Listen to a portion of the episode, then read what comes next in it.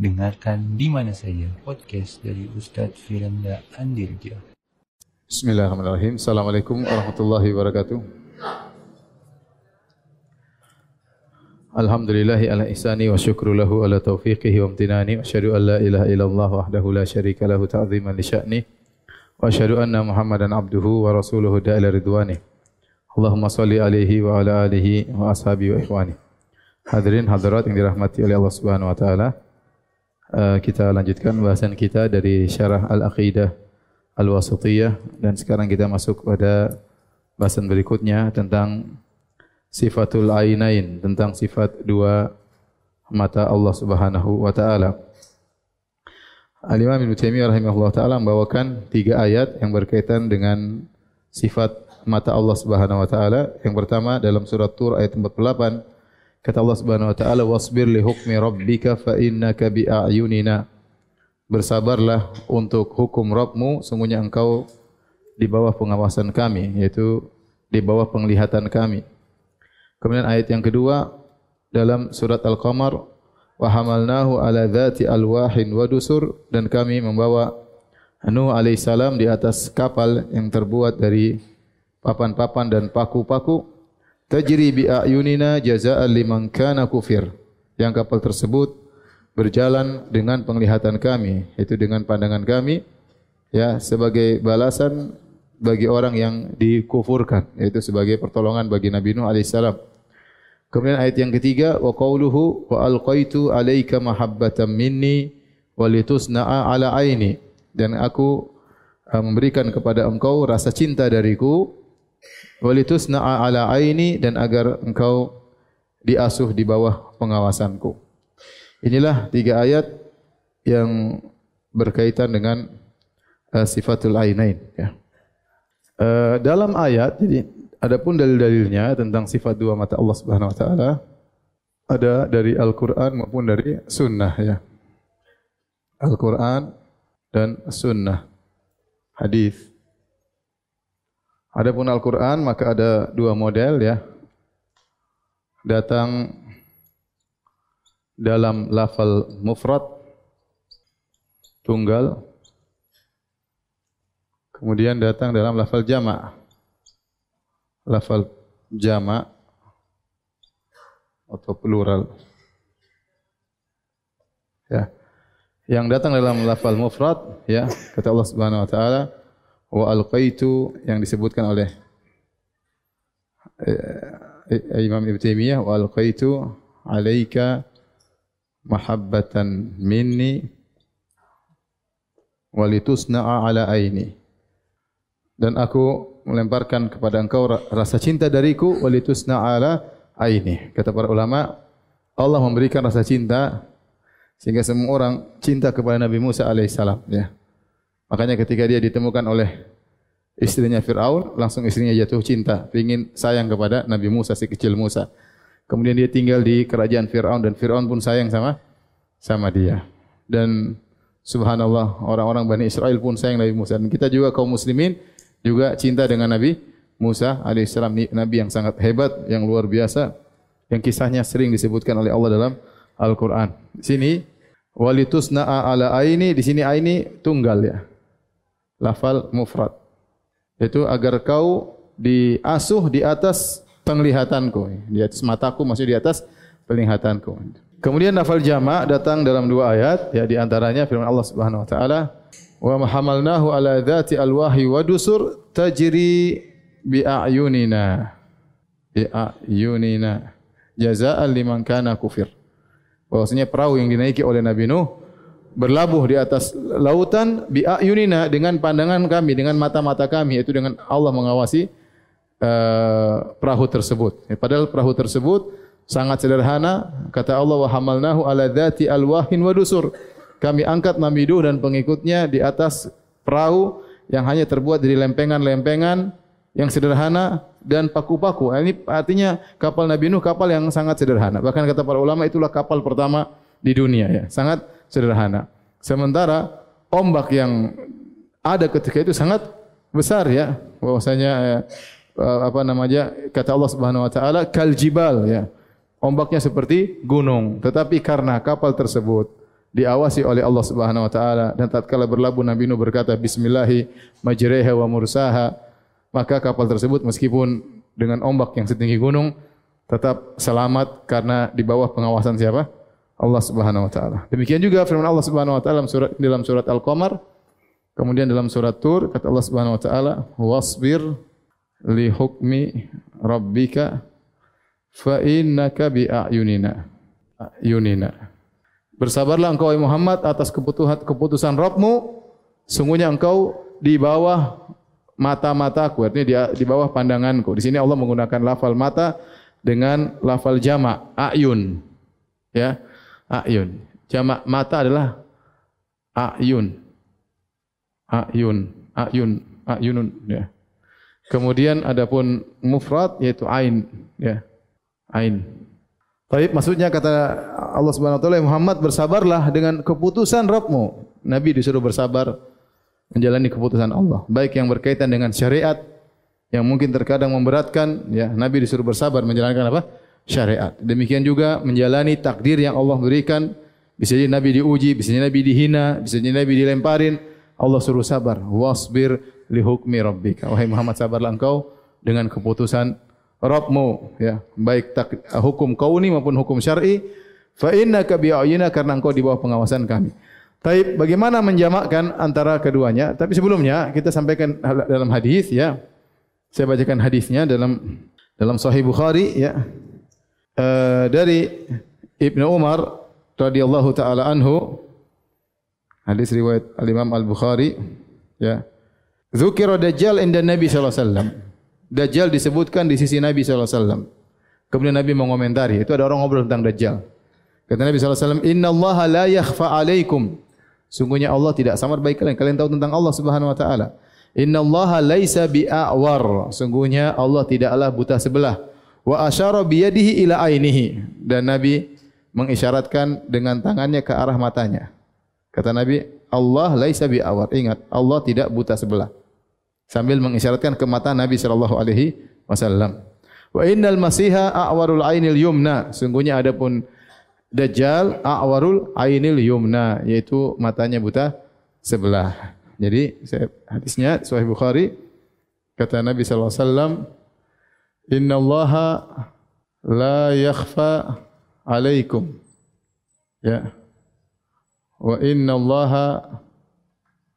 laisa bi'awar wa asyara biyadihi ila ainihi wa inna dajjal a'waru al-ain al-yumna artinya sungguhnya Allah tidak samar bagi kalian kalian tahu tentang Allah sungguhnya Allah tidak buta ya sesungguhnya Allah tidak buta sebelah dalam hadis ini wa asyara biyadihi ila ainihi. Ini jadi poin penting. Nabi sallallahu alaihi wasallam mengisyaratkan tangannya ke matanya. Ke mata beliau. Kemudian beliau berkata, "Wa inna dajjal a'waru ainul ainil yumna." Dajjal buta mata kanannya. Tapi berdasarkan hadis ini, ya berdasarkan hadis ini, eh, para ulama ijma bahwasanya Allah uh, memiliki dua mata, ya. Ya, ijma ulama Allah memiliki dua mata. Sisi pendalilannya karena a'war al-a'war dalam bahasa Arab artinya yang bermata dua akan tetapi satunya cacat. Sementara Allah tidak awar. Tidak awar. Berarti Allah memiliki dua mata yang sempurna. Dua mata yang sempurna. Datang dalam hadis dengan dengan lafal dua mata tapi hadisnya dhaif ya hadisnya datang dalam hadis ya yaitu dalam hadis Abu Hurairah eh, riwayat eh,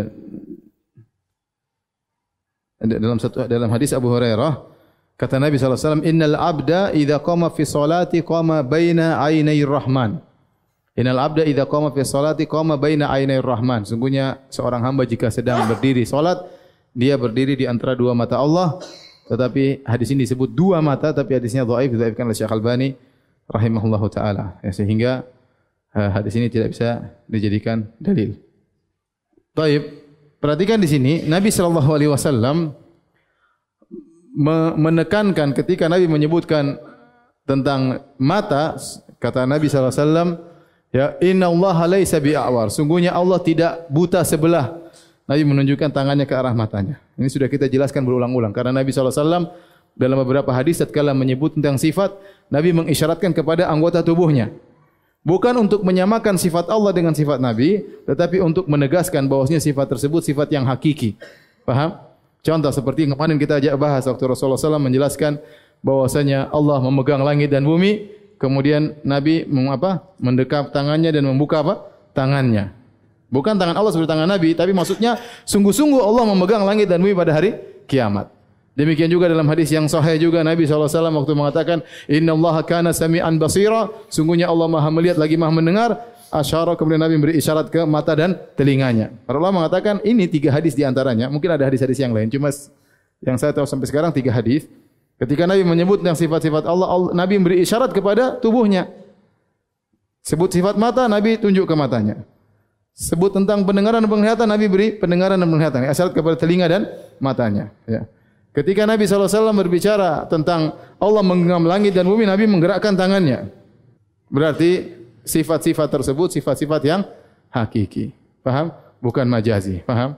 Namun bukan berarti Nabi menyamakan tangan Nabi dengan tangan Allah atau mata Nabi dengan mata Allah. Tidak. Tapi ini sekedar untuk pendekatan. Pendekatan agar para pendengar faham bahwasanya ini adalah mata Allah yang hakiki. Bahwasanya uh, tangan Allah yang hakiki. Pendengaran penglihatan Allah yang yang hakiki. Taib. Adapun yang yang menyatakan dengan jelas para ulama yang dengan tegas menyatakan dua mata Allah di antaranya Ad-Darimi. Ad-Darimi dalam kitabnya bantahan terhadap Bishr al-Marisi kemudian Ibnu Khuzaimah dalam kitab Tauhid. Ibnu Khuzaimah ini ya uh, muridnya Madhab Syafi'i ulama besar Madhab Syafi'i ahli hadis muridnya Al-Muzani atau murid-muridnya Al-Muzani ya.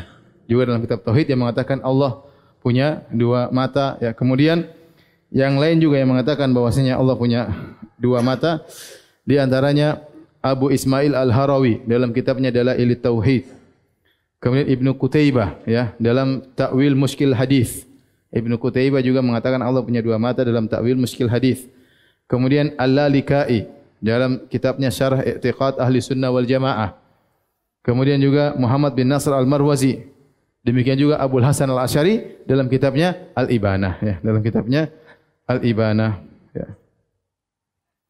Demikian Ibn Taimiyah rahimahullah ta'ala. Kemudian Ibn Qayyim rahimahullah ta'ala. Al-Qahtani. Kemudian di antaranya Al-Baqillani. Ya. Dia menyatakan Allah matanya dua banyak ya tadi disebutkan. Ya. Ad-Darimi, Ibn Khuzaimah. Ya. Uh, Ibn Qutaybah. Al-Lalikai, Muhammad bin Nasr al-Marwazi, dan di antaranya adalah tokoh Asyairah, Asyairah Mutaqaddimin. Tadi siapa? Abdul Hasan al-Asyari dan Al-Baqilani. Ini semua Asyairah tapi Asyairah apa namanya? Tempo dulu ya. Asyairah tempo sekarang menolak semua sifat-sifat sifat-sifat ini. Karena para ulama menyatakan dengan buku-buku dalam buku-buku mereka, maka kita tinggal ikut saja. Tinggal kita ikut bahwasanya Allah memiliki dua mata di wajah Allah Subhanahu wa taala. Ya, adapun bagaimana tentu kita tidak tahu. Yang tahu hanya Allah Subhanahu wa taala. Adapun bagaimana mengkompromikan lafal mufrad, lafal jama sama lafal tasniyah dua sudah kita jelaskan kemarin. Pas kita membahas masalah apa? Tangan. Masih ingat? Kemarin sudah kita baru kita jelaskan ya. Bahwasanya lafal mufrad dan jamak dan tasniyah tidak saling bertentangan. Sebagaimana kita bahas sifat tangan kemarin saya tidak ingin ulang lagi ya. Nanti di lihat lagi catatannya kalau mencatat. Baik, uh, sebagai peringatan terkadang kita dapati dalam buku-buku tafsir para ulama ahlu sunnah wal jamaah tatkala menafsirkan misalnya tajri bi ayunina sungguhnya kapal tersebut mengalir atau berlabuh di lautan bi ayunina dengan penglihatan kami kemudian diartikan dengan pengawasan kami. Pengawasan kami. Ingat ini bukan takwil, tapi itu tafsir dengan kelaziman. Tafsir dengan kelaziman. Ya, ini sudah saya sering sampaikan. Seperti walitus na'a ala aini. Agar kau, wahai Musa, diasuh dengan mata kami. Maksudnya dengan penglihatan kami. Maksudnya dengan pengawasan pengawasan kami. Dengan pengawasan kami. Dan ini bukan takwil tapi tafsir dengan lazim. Ya, kenapa? Karena ulama ahlu sunnah tidak menolak sifat sifat mata. Mereka menetapkan sifat mata dan mereka menetapkan tafsir dari kelaziman mata tersebut. Artinya Allah melihat, berarti Allah mengawasi. Berarti Allah mengawasi. Sebagaimana saya sebutkan dari Ibn Jarir At-Tabari. Ibn Jarir At-Tabari, ya, tatkala menafsirkan bal yadahu mabsutatani yunfiku kaifa yasha bahkan kedua tangan Allah terbentang berinfak sebagaimana Allah kehendaki. Kata dia terbentang maksudnya Allah dermawan. Bukan berarti dia menolak sifat tangan. Karena dalam ayat yang lain dia mengatakan lima uh, ma manaka antas jual lima khalaqtu bi yadai maksudnya dua tangan yang hakiki. Dia bahkan bahkan dia membantah orang-orang yang mentakwil. Artinya dalam tempat yang lain dia menetapkan sifat tangan yang hakiki. Dalam tempat yang lain dia tafsirkan dengan tafsir kelaziman. Paham jadi ini namanya tafsir bil lazim. Baik uh, dari sini kita tahu bahwasanya dajjal matanya buta? Buta sebelah ya. Tatkala Allah mengatakan Inna Allah la yakhfa alaikum Allah tidak akan samar bagi kalian. Inna Allah laysa bi'awar Allah tidak buta sebelah. Kalau Allah tidak ada wajahnya Tidak ada matanya Ya Nabi tidak perlu bilang Allah tidak buta sebelah. Nabi aja bilang Allah tidak punya wajah Selesai. Paham? Tapi tatkala Nabi mengatakan Bedakanlah Dajjal dengan Allah Dajjal itu matanya buta sebelah. Allah tidak. Berarti kan memang ada Sisi situnya yang Apalagi Nabi sampai nunjuk ke matanya. Berarti benar-benar ada mata. Adapun matanya Allah tidak ada yang tahu. Ya. Sebagaimana zat Allah kita tidak tahu, maka wajahnya Allah pun kita tidak tahu dan matanya Allah pun kita tidak tidak tahu. Ya. Karena seandainya Allah tidak, sebagaimana keyakinan ahlul bidah, ya, bahwasanya Allah tidak memiliki wajah, tidak memiliki mata, ya sudah tinggal gampang. Dajjal buta sebelah. Allah tidak berwajah. Selesai kan?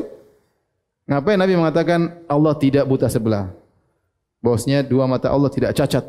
Seperti itu maknanya. Paham? Baik.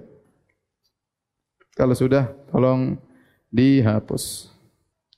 Selanjutnya kita masuk pada pembahasan sifat mendengar dan melihat. Ya. Imam Taimiyah rahimahullah taala membawakan banyak ayat berkaitan dengan sifat mendengar dan melihat. Dan kedua sifat ini sudah kita jelaskan pada pertemuan-pertemuan sebelumnya, namun kita mengulangi lagi dengan singkat ya. Di antaranya firman Allah Subhanahu wa taala surat Al-Mujadalah ayat 1 qad sami Allahu qaulal lati tujadiluka fi zawjiha wa tashtaki ila Allah wallahu yasma'u tahawurakuma innallaha sami'un basir. Ya, sungguh Allah telah mendengar perkataan sang wanita yang mengadukan ya kepada engkau tentang suaminya. Wa tashtaki ila Allah dan dia mengadukan kepada Allah Subhanahu wa taala. Wallahu yasma'u tahawurakuma. Allah sedang mendengar diskusi kalian berdua, perbincangan kalian berdua, inna Allah sami'un basir. Sungguhnya Allah maha mendengar lagi maha melihat. Kemudian juga firman Allah, laqad sami'a Allahu qawla alladhina qalu inna Allah faqirun anhu agniya. Dan sungguh Allah telah mendengar perkataan orang Yahudi yang mengatakan sungguhnya Allah fakir dan kami yang kaya. Kemudian juga firman Allah, am yahsabuna anna la nasma'u sirrahum? Apakah mereka menyangka kami tidak mendengar bisikan-bisikan mereka wa najwahum dan uh, apa namanya rahasia mereka. Bala wa rusuluna ladaihim yaktubun. Bahkan rasul para malaikat kami di sisi mereka sedang mencatat bisikan mereka dan rahasia mereka. Kemudian juga firman Allah terhadap Nabi Musa dan Nabi Harun, "Innani ma'akuma asma'u wa ara." Sungguhnya aku bersama kalian berdua, aku mendengar dan aku melihat. Kemudian juga firman Allah, "Alam ya'lam bi anna Allah yara." Tidaklah dia tahu bahwasanya Allah melihat. Kemudian juga firman Allah, "Allazi yaraka hina taqum," yang Allah melihat engkau tatkala kau sedang berdiri untuk salat. Wa taqallubaka fis sajin tatkala kau sedang sujud bersama orang-orang yang sujud, innahu huwas samiul alim. Sungguhnya Allah mendengar lagi Maha mengetahui. Kemudian firman Allah yang terakhir, "Wa qul i'malu fasayarallahu amalakum," beramalah kalian maka Allah akan melihat amalan kalian. Wa rasuluhu wal mu'minun demikian juga Rasulullah akan melihat amalan kalian dan kaum mukminun akan melihat amalan kalian. Taib ini ayat-ayat berkaitan dengan sifat as-sama wal basar mendengar dan apa? melihat. Uh, adapun dalil dalil sudah pernah kita jelaskan kita singgung sedikit ya bahwasanya ada dalil dalil akli dan dalil nakli nakli maksudnya Al-Qur'an dan sunnah Maksudnya dalil akli maksudnya dalil akal, dalil akal, dalil logika. Ahlu sunnah wal jamaah tatkala menetapkan sifat-sifat Allah menempuh dua metode baik dengan dengan nakli Al-Quran Sunnah itu merupakan merupakan uh, pendalilan yang utama. Kemudian juga kalau memungkinkan dengan dalil akli maka juga dengan dalil akal ya. Maka dalam dalil akal ada dua metode disebut dengan dalil kamal kamal yang kedua disebut dengan dalil al-muqabalah atau al-diddiyah. Dalil kamal yaitu kesempurnaan. Dalil apa? Uh, perlawanan ya. Nanti saya jelaskan maksudnya. Kesempurnaan maksudnya jika dibandingkan antara yang bisa melihat dengan tidak bisa melihat lebih sempurna mana? Yang bisa melihat. Kul hal yastawil a'ma wal basir kata Allah Subhanahu apakah sama antara orang buta dengan orang yang bisa melihat? Am hal tastawi dhulumatu wan nur? Ya. Kul hal hal kul hal tastawi kul hal yastawi al-a'ma wal basir? Hal yastawi al-a'ma wal basir? Apakah sama antara yang buta dan yang melihat? Tentu tidak, tidak sama. Jika dilihat mana yang lebih sempurna antara yang melihat atau yang tidak melihat maka lebih sempurna mana? Yang melihat. Maka secara akal Allah yang maha sempurna berarti Allah maha melihat.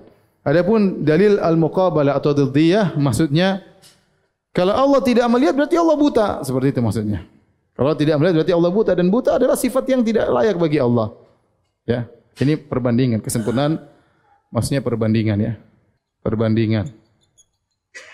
Mana yang lebih sempurna? Sempurna.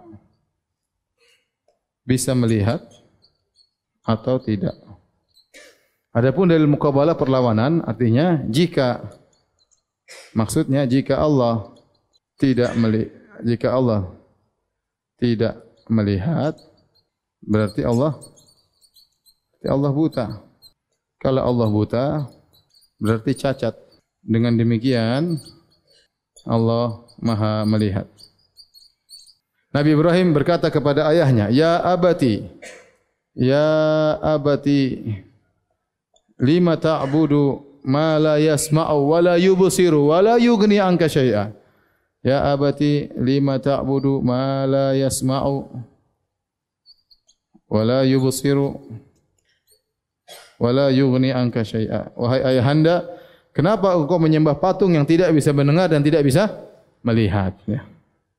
Ya, karena kelaziman tidak melihat berarti buta.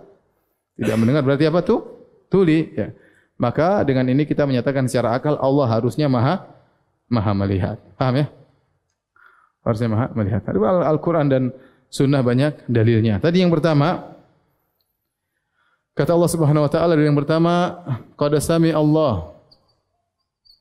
Qad sami Allahu qawla allati tujadiluka fi zawjiha wa tashtaki ila Allah wallahu yasma'u tahawurakuma.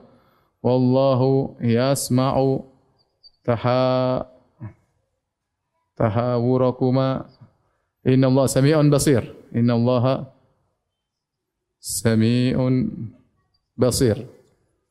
Di sini Allah menggunakan di fi'il pertama mudhari eh, fi'il madhi dan fi'il mudhari. Yasma. Qad sami'a sungguhnya Allah telah mendengar keluhan seorang wanita kepada nabi tentang suaminya. Kapan Allah mendengar Ketika terjadi pembicaraan atau tidak? Setelah wanita mengeluhkan kepada Nabi baru Allah mengatakan Allah telah men mendengar. Atau Allah mendengar di zaman jahiliyah, zaman azali? Tidak, sudah kita jelaskan. Allah Maha mendengar sejak zaman azali, tapi pembicaraan ini baru Allah dengar belakangan, faham? Karena kalau kita bilang Allah sudah zaman azali sudah mendengar, berarti pembicaraan itu juga sudah ada di zaman azali. Paham? Paham tidak? Baik. Saya ulang lagi sekali ya, kalau enggak paham keterlaluan ya. Ini wanita, ya, Khawlah namanya, waktu dia mengeluh kepada Nabi tentang suaminya, terjadi pada tahun 1400 sekian. Eh, pada tahun apa? Belasan, eh, tahun Hijriah, berapa Hijriah? tahun beberapa hijriah di Madinah ya. Berarti 1400 tahun yang lalu ya. Baik. Kejadiannya tatkala itu dia mengeluh kepada Nabi tentang suaminya. Kemudian Allah turunkan ayat qad sami Allah. Allah telah mendengar pembicaraan tadi. Paham? Ah. Allah Maha mendengarnya sejak kapan? Sejak azali. Tapi Allah mendengar suara ini muncul kapan? Belakangan atau sejak azali? Belakangan. Kalau sejak azali berarti suara ini sudah ada di zaman azali. Ini tidak masuk akal. Paham?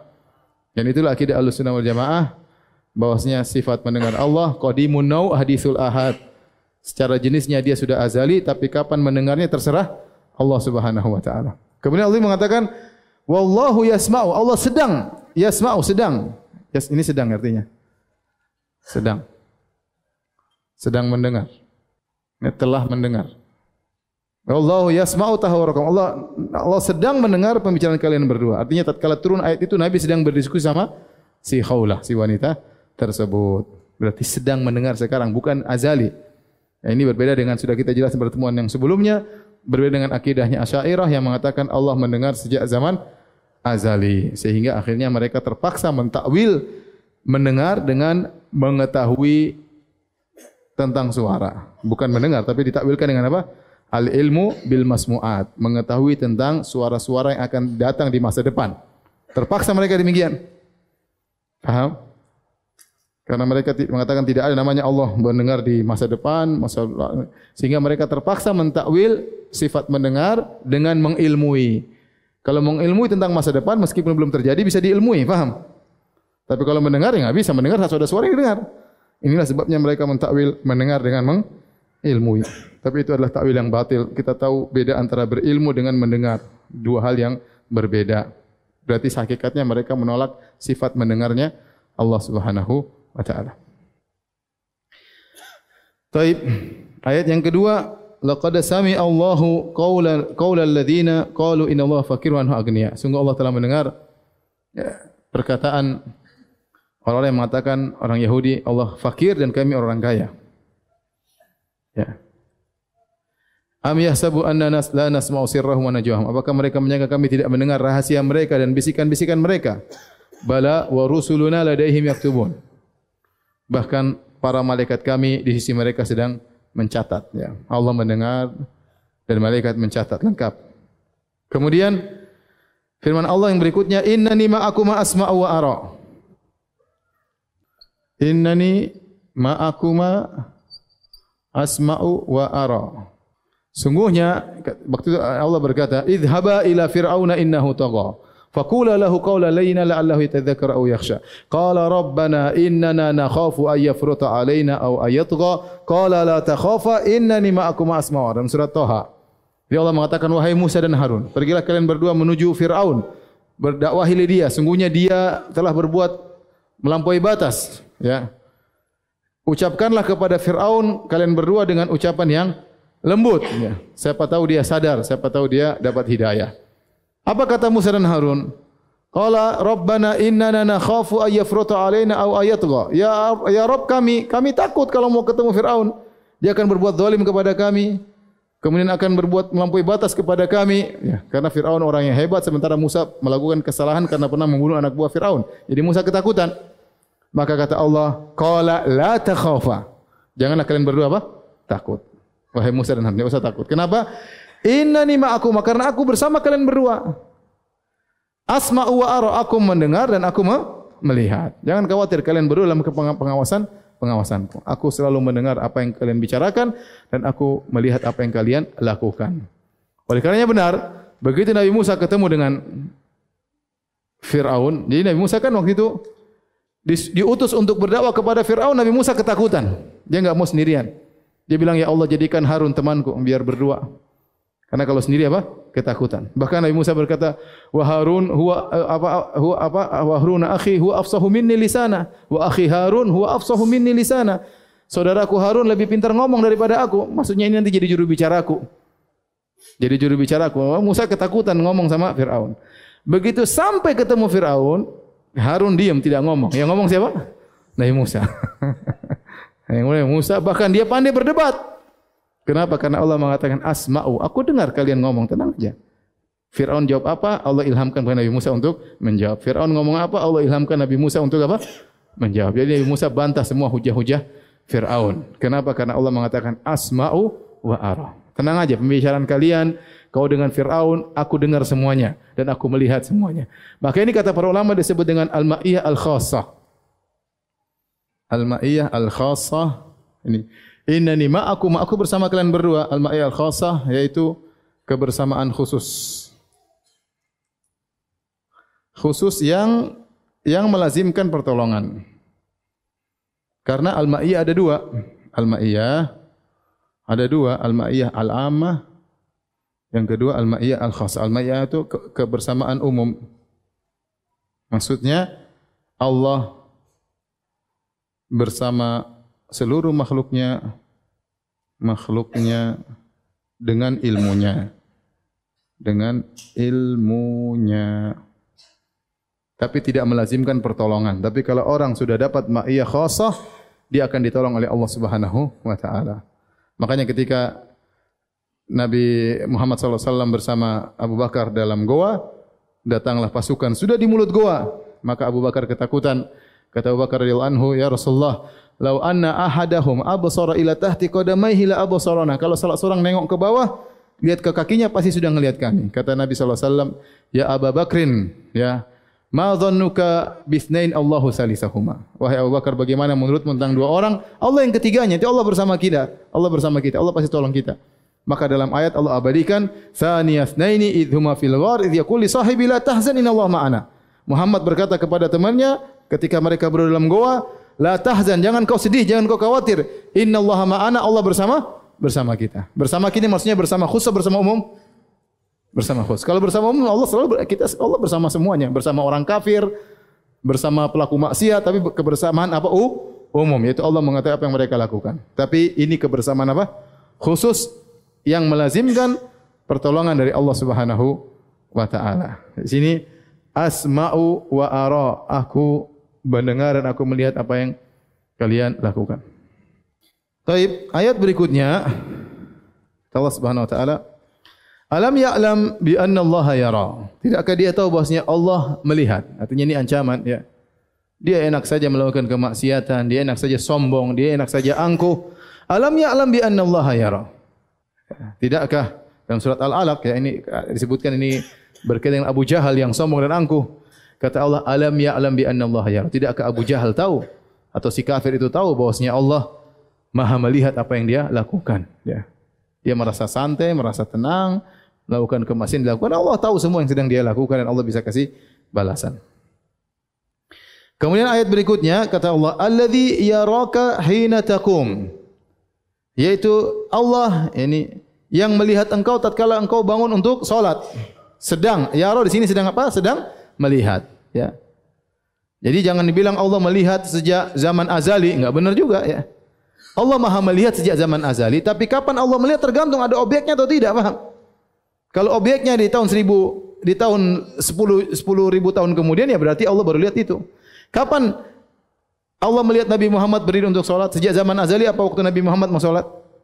Mau salat baru Allah melihat alladzi yaraka hina takum. Nah, ini tidak bisa dimasuk otaknya oleh orang ahlul bidah. Kata mereka enggak bisa seperti ini. Harusnya zaman azali enggak pernah berubah-berubah. Kalau gitu akhirnya mereka takwil melihat dengan apa? Al ilmu bil mubusarat. Ilmu tentang sesuatu yang terlihat. Ini sudah kita bahas nanti antum cek lagi lah. Saya enggak pingin bahas ulang ya karena memusingkan. ya udahlah. Pokoknya ngawur sudah selesai ya. Mungkin mereka ngawur. Ya.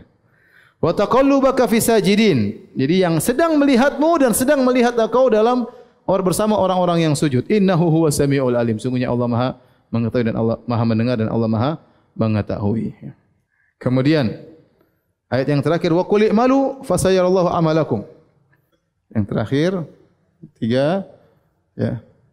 Kata Allah wa qul i'malu fasayarallahu fasayarallahu amalakum wa rasuluhu wal mu'minun. Kata Allah, beramalah dan katakanlah wahai Muhammad, katakanlah beramalah kalian, beramalah kalian. Berbuatlah kalian. Maka Allah akan melihat, maka fa'in artinya maka Allah akan melihat. Sa artinya akan. Fa maka sa akan. Allah akan melihat amal kalian. Amal kalian dan juga Rasul akan melihat amal kalian.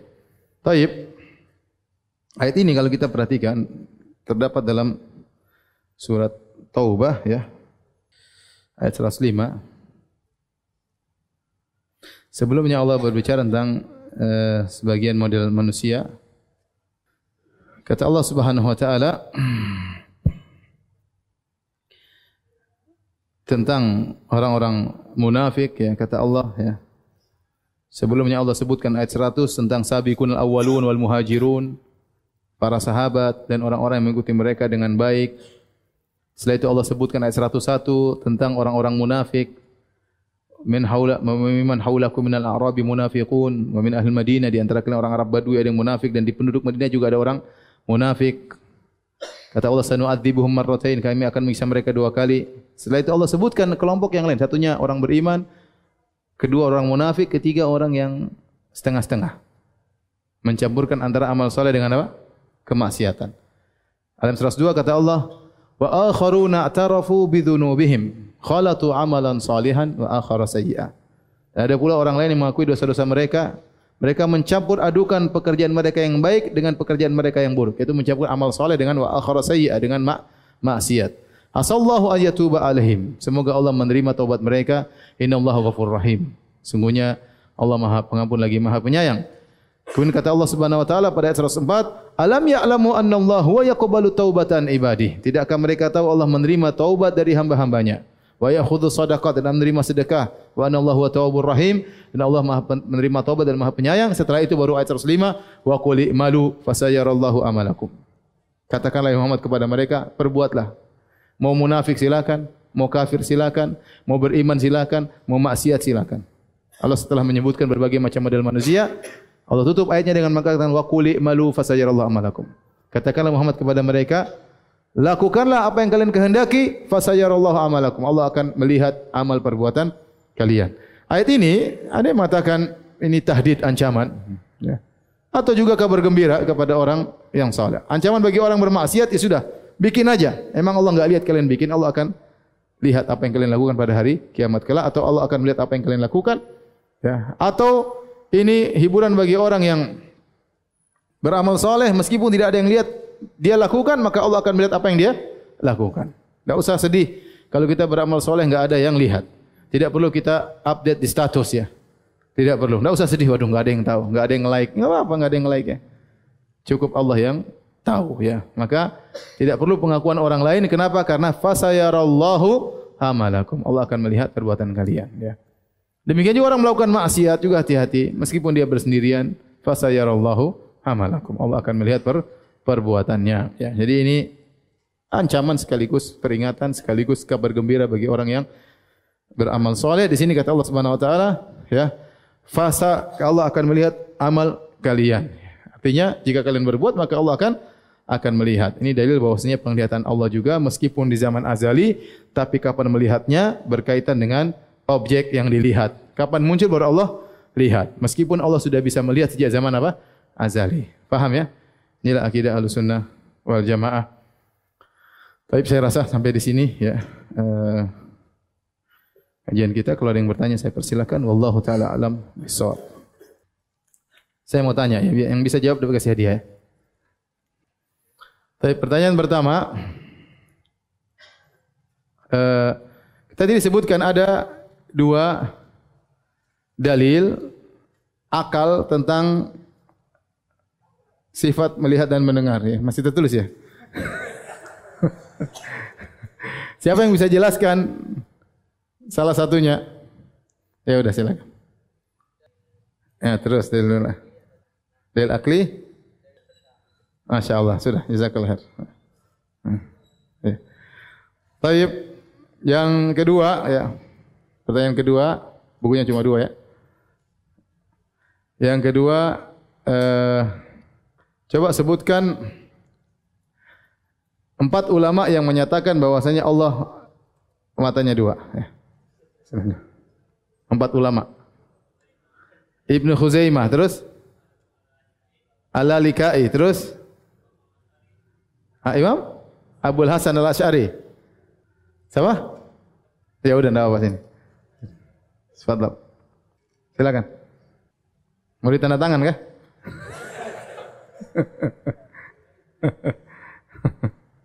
Enggak ada pena, ada cuma spidol.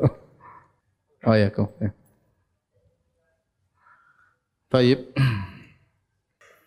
Ustaz, bagaimana dengan menepis teori-teori seperti geosentris, heliosentris, Kopernikus, planetari, Gier dan lain-lain yang bertentangan dengan Al-Quran dan hadis teori-teori tersebut telah dipercaya kebenarannya dalam dunia akademis. Uh, mengatakan bertentangan Al-Quran, ini Al-Quran tidak, jadi saya sampaikan, Al-Quran bukanlah kitab sains ya. Al-Quran bukan kitab apa? Sains, tapi dia kitab iman. Namun dalam beberapa ayat ada berkaitan dengan uh, fisika misalnya. Ada pun menyatakan bahwasanya Al-Quran bertentangan dengan dengan sains modern, maka ini perlu dicek kembali. Apakah memang penafsirannya seperti itu? Ya, bahwasanya seperti mengatakan contoh sederhana, mengatakan bahwasanya Al-Quran menunjukkan bumi itu datar. Ya. Ternyata tidak demikian. Bahkan para ulama ijma bahwasanya bumi itu apa? bulat ya. Adapun firman Allah dalam banyak Al-Qur'an mengatakan kami jadikan bumi terhampar. Maksudnya itu ditinjau di yang kita lihat sekarang ini di depan kita bumi apa? Terhampar. Bukan ditinjau dari secara keseluruhan bahwasanya bumi itu datar tidak bulat ya. Oleh karenanya sebenarnya baru dalil seperti firman Allah Subhanahu wa taala wa idzal ardu muddat jika bumi didatarkan menunjukkan bumi sekarang tidak datar, bumi sekarang bulat. Maksud saya tidak bisa kita mengklaim bahwasanya Al-Qur'an menunjukkan bumi itu apa? datar. Itu buktinya Ibn Taimiyah menyebutkan ijma dalam kitab-kitabnya bahwasanya bumi itu bulat berdasarkan kurawiyatul ard, berdasarkan uh, ijma para ulama. Ya. Sehingga sebagian orang menyangka Al-Quran menunjukkan bumi itu datar, sementara teknologi menunjukkan atau sains menunjukkan bumi itu bulat, berarti Al-Quran bertentangan dengan apa? Dengan sains. Ini tidak bisa. Maksud saya Al-Quran itu bukan kitab sains. Ya, sehingga tidak bisa kita mengatakan bahwasanya begini, maksudnya begini, maksudnya begini. Ya itu butuh. Karena para ulama juga tatkala membahas dalam buku tafsir, mereka tidak bahas itu. Yang mereka bahas masalah apa? Keimanan. Masalah keimanan. Ya. Sama seperti matahari. Tapi dari timur dibuat, itu yang kita lihat. Yang kita lihat. Ya. Al-Quran tidak sedang berbicara bahwasanya bumi mengelilingi matahari atau matahari mengelilingi bumi. Tidak, dia sedang lihat yang kita lihat matahari sedang terbit dari timur, tenggelam di mana? Di barat. Selesai. Oleh karenanya mau saya tidak usah kita pertentangan antara apa namanya uh, sains dengan Al-Quran kecuali perkara yang benar-benar jelas. Al-Quran menyatakan demikian dengan jelas tidak ada khilaf di kalangan para ulama bahawa ini menunjukkan demikian. Kemudian sains bertentangan kita lebih benarkan apa? Al-Quran. Tapi apakah ada yang seperti itu? Contoh seperti misalnya Al-Quran mengatakan atau dalil-dalil menunjukkan matahari terbit dari timur. Terus berdasarkan sains modern ternyata matahari terbit dari barat. Ya sudah kita jangan percaya sama sains modern. Kenapa? Karena para ulama semua tatkala menjelaskan, mereka menjelaskan materi terbit dari mana? Dari timur ya. Ustaz, apa benar tangan Allah keduanya adalah tangan kanan? Kita sudah sebut kemarin hadis dalam Sahih Muslim kata Nabi SAW, Wakil tayadehi yamin. Kedua tangan Allah apa? Kanan. Ya. Kedua tangan Allah kanan. Ustaz, apa faedah bagi kita mengimani Allah memiliki dua tangan ya? Berarti kita mengakui Allah Maha Agung. Bagaimana tangan Allah menggenggam bumi, melipat langit, Allah Maha Besar ya. Alam semesta ini sangat apa? Kecil dalam genggaman Allah Subhanahu wa taala. Ya, ya Allah jelaskan ya kita beriman ya. Yang kita bilang Allah tidak punya tangan. Allah tidak Allah bilang Allah punya tangan nanti bilang oh enggak. Allah bilang Allah punya tangan, ah enggak, Allah engkau enggak punya tangan. Jangan. Kurang beradab kepada Allah Subhanahu wa taala. Apa hukum baca Al-Quran melalui aplikasi HP? Enggak ada masalah. Silakan. Bagaimana batasan mengejar dunia? Ya, dunia kalau dijadikan sarana untuk akhirat tidak apa dikejar. Antum terlalu banyak dalil dalam Al-Quran maupun Sunnah menyuruh kita berinfak, menyuruh kita untuk bersedekah, untuk bayar zakat. Kalau antum enggak cari dunia, gimana cara berinfak? Tapi jangan sampai dunia tersebut masukkan dalam hati antum. Ya, itu jadi masalah sehingga mengejar dunia, niatnya untuk berinfak malah meninggalkan kewajiban itu jadi masalah ya. Ah, saya mau naik haji tapi cari duitnya tidak sholat. Nah itu enggak benar seperti itu. Ya, kita cari harta, ada waktunya kita ibadah, kita ibadah dan tatkala kita mencari harta kita niatkan karena Allah Subhanahu wa taala. Itulah kita bisa menerapkan firman Allah, "Wa ma khalaqtul jinna wal insa illa liya'budun." Tidaklah kuciptakan jin manusia kecuali untuk beribadah kepadaku. Artinya ayat ini menunjukkan kita bisa menjadikan seluruh aktivitas kita sebagai ibadah. Seluruh aktivitas kita bisa jadi apa? Ibadah. Anda ketemu istri jadi ibadah, ketemu anak jadi ibadah, berjalan kaki ke sana jadi ibadah. Ya senyum sama orang ibadah, cari nafkah juga apa? Ibadah. Baik, azan. Ustaz, bagaimana hukumnya waktu sekolah dulu kita mempelajari teori Darwin tentang evolusi dan teori Big Bang yang intinya mengaburkan akidah tentang Allah yang Maha Pencipta. Teori evolusi mengatakan manusia berasal dari kera, sedangkan teori Big Bang mengatakan asal alam semesta dari dua benturan benda besar. Adapun teori Darwin, ya jelas kebatilannya yang mengatakan manusia berasal dari apa? Dari kera. Dengan melalui proses proses evolusi mungkin ribuan tahun, akhirnya kera menjadi apa? Menjadi Darwin. uh, kita bilang bahwasanya kalau memang proses evolusi itu ada, harusnya kera-kera ada yang benar-benar kera, ada yang agak ganteng. Kan namanya evolusi tidak langsung ganteng kan? Monyet kan tidak langsung ganteng. Kalau monyet pernah jadi manusia berarti harusnya ada yang mulai cakep sekarang, yang mulai keren, ya nanti lama-lama jadi manusia. Ini tidak pernah kita lihat, ya. tidak pernah kita lihat. Kemudian kata dia eh, bahwasanya proses monyet dari monyet menjadi manusia dari kurang sempurna menjadi sempurna. Padahal kita tahu dari sisi kalau kita lihat monyet bayi, monyet bayi lebih sempurna daripada bayi manusia. Monyet baru lahir dia sudah gantung-gantungan ke ibunya, paham? Anak baru lahir tidak bisa apa-apa ya. Dari sisi itu monyet masih lebih apa? Hebat daripada uh, manusia ya. Dan ini tentu tidak benar bahwasanya monyet berasal dari manusia. Kemudian dia juga gagal. Dia mengatakan misalnya jerapah dulu lehernya pendek ya. Kemudian gara-gara dia ingin makan di atas dia apa? Lama-lama panjang. Kenapa kambing tidak pernah latihan? kambing terus apa? Lehernya apa? Pendek. Harusnya kambing juga lama-lama paling tidak naik semeter lah. Tidak seperti jerapah. Tapi kan harusnya ada perubahan ya. Tapi enggak pernah ada perubahan ribuan tahun sama kambing gitu-gitu aja kambing. Ini mengatakan bagaimana evolusi surga. Ketemu banyak juga hewan yang mirip, tapi tidak sama. Contoh, burung punya sayap bisa terbang. Ada hewan-hewan yang bersayap seperti burung tidak bisa terbang. Contohnya bebek dan ayam, ya enggak bisa terbang ya. Enggak bisa terbang. Jadi maksudnya eh, terus coba. Gimana bahkan dia punya pendapat bahwasanya dulu sesuatu satu, bahwasanya seluruh alam semesta ini makhluk berasal dari satu satu yang sama ya. Baik, sekarang monyet ya. Kalau dari satu yang sama kok bisa tiba-tiba ada satu jadi laki-laki, satu jadi jantan, satu jadi apa? Betina. Gimana ceritanya? Terus kenapa bulu-bulu monyet semua hilang? Sekarang manusia tidak, tidak punya bulu ya. Ah, karena sudah tidak butuh kepada bulu tersebut. Mungkin sudah pakai baju, sudah pakai amat. Tapi kenapa rambut masih ada bulunya? Kenapa yang lain semua hilang? Ini maksudnya contoh ini kita terima kita dari monyet lah ya. Saya tidak terima tapi ya. Taruhlah kita semua dari monyet. Kita tanya sama Darwin. Sekarang rambut-rambut monyet dulu kemana? Oh sudah mengalami evolusi. Loh kenapa masih ada sisa rambut di kepala? Oh karena rambut di kepala itu untuk menjaga benturan dan macam-macam ya. Terus kalau tapi bagian yang tidak ada benturan, kenapa ada rambut di dekat kemaluan? Emang itu sering berbenturan. ya intinya itu teori ngawur. Ya mungkin Darwin di depan kaca lihat dia mirip monyet, akhirnya dia bilang saya mirip monyet saya nenek moyang saya dari monyet. Kalau kita enggak, kita dari Nabi Adam alaihissalam. Bahkan kita sekarang sedang mengalami penurunan. Adam dulu gagah, tinggi, tampan. Kita sekarang mengalami nanti kalau kita kalau kaum muslimin masuk surga akan dikembalikan kepada bentuk yang sempurna. Paham? Teorinya bertentangan dengan teori Darwin. Darwin kan dari bahlul jadi pinter. kalau kita Adam sempurna jadi apa? Jadi seperti kita sekarang ini. Taib. Adapun teori Big Bang ini hip, hip, hip, hipotesa, hanya dugaan tentang teori banyak. Ada teori bintang kembar, teori Big Bang. Teori Big Bang adalah benda yang padat kemudian mengalami peledakan akhirnya jadi Kita bilang taruhlah penciptaan alam semesta seperti itu. Taruhlah ada teori bintang kembar, ada teori Big Bang, ada teori kabut e apalah, teori inilah banyak ada beberapa teori. Tapi kita benarkan teori itu, entah mana yang benar, mungkin mereka khilaf, enggak tahu dalilnya apa ya. Tidak ada yang bisa membuktikan teori-teori tersebut. Tapi kalau kita bilang seandainya teori itu benar, timbul pertanyaan, siapa yang menyediakan materinya? Materialnya siapa yang sediakan? Paham?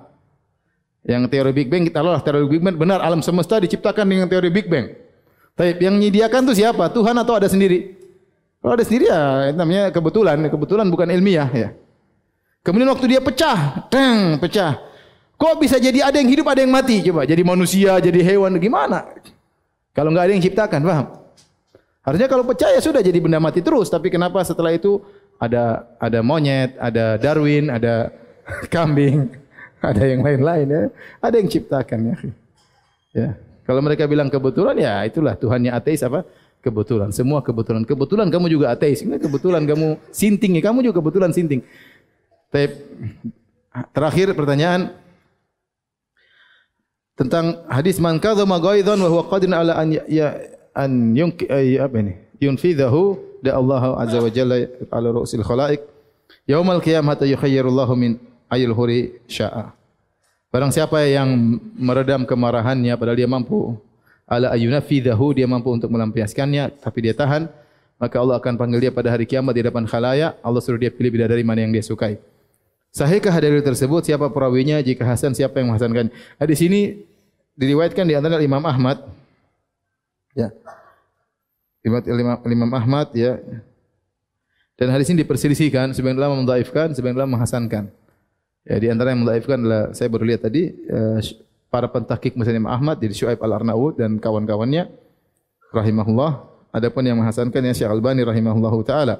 Tetapi hadis seperti ini adalah uh, hadis berkaitan dengan fadail a'mal ya. Adapun amalannya sendiri perkara yang disepakati meredam amarah perkara yang disepakati ya. Makanya Allah memuji orang-orang yang meredam amarah di antara ciri-ciri penghuni surga kata Allah Subhanahu wa taala wal kadhiminal ghaidh. Orang-orang yang meredam apa? Amarah. Adapun pahalanya seperti ini datang dalam hadis yang diperselisihkan.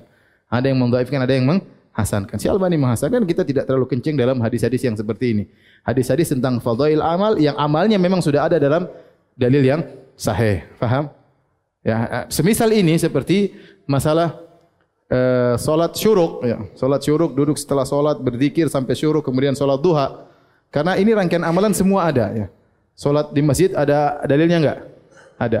Setelah eh, selesai solat duduk berzikir di tempat sampai terbit matahari ada dalilnya enggak? Ada. Ada. Solat duha ada dalilnya enggak? Ada enggak? Ada. Rangkaian ini menimbulkan suatu pahala tersendiri. Maka ini dipersiapkan oleh para ulama. Hadis-hadis datang dari Abu Umamah, kemudian dari Aisyah, ya dari beberapa sahabat. Ya. Sanatnya dhaif. Nah, di situ timbul ijtihad. Ada yang menaikkan yang menjadi derajat hadis yang hasan seperti Syekh Albani rahimahullah taala dan sebagian ulama mutaqaddimin dan ada yang menyatakan hadisnya tetap dhaif maka khilaf di kalangan para ulama. Tetapi hadis ini termasuk hadis yang ringan karena berbicara tentang fadhail apa? Amal. Karena amalnya sudah sudah ada ya. Ya Allah alam bisawab demikian saja kajian kita. Subhanakallah bihamdik. Asyhadu an la ilaha illa anta assalamualaikum warahmatullahi wabarakatuh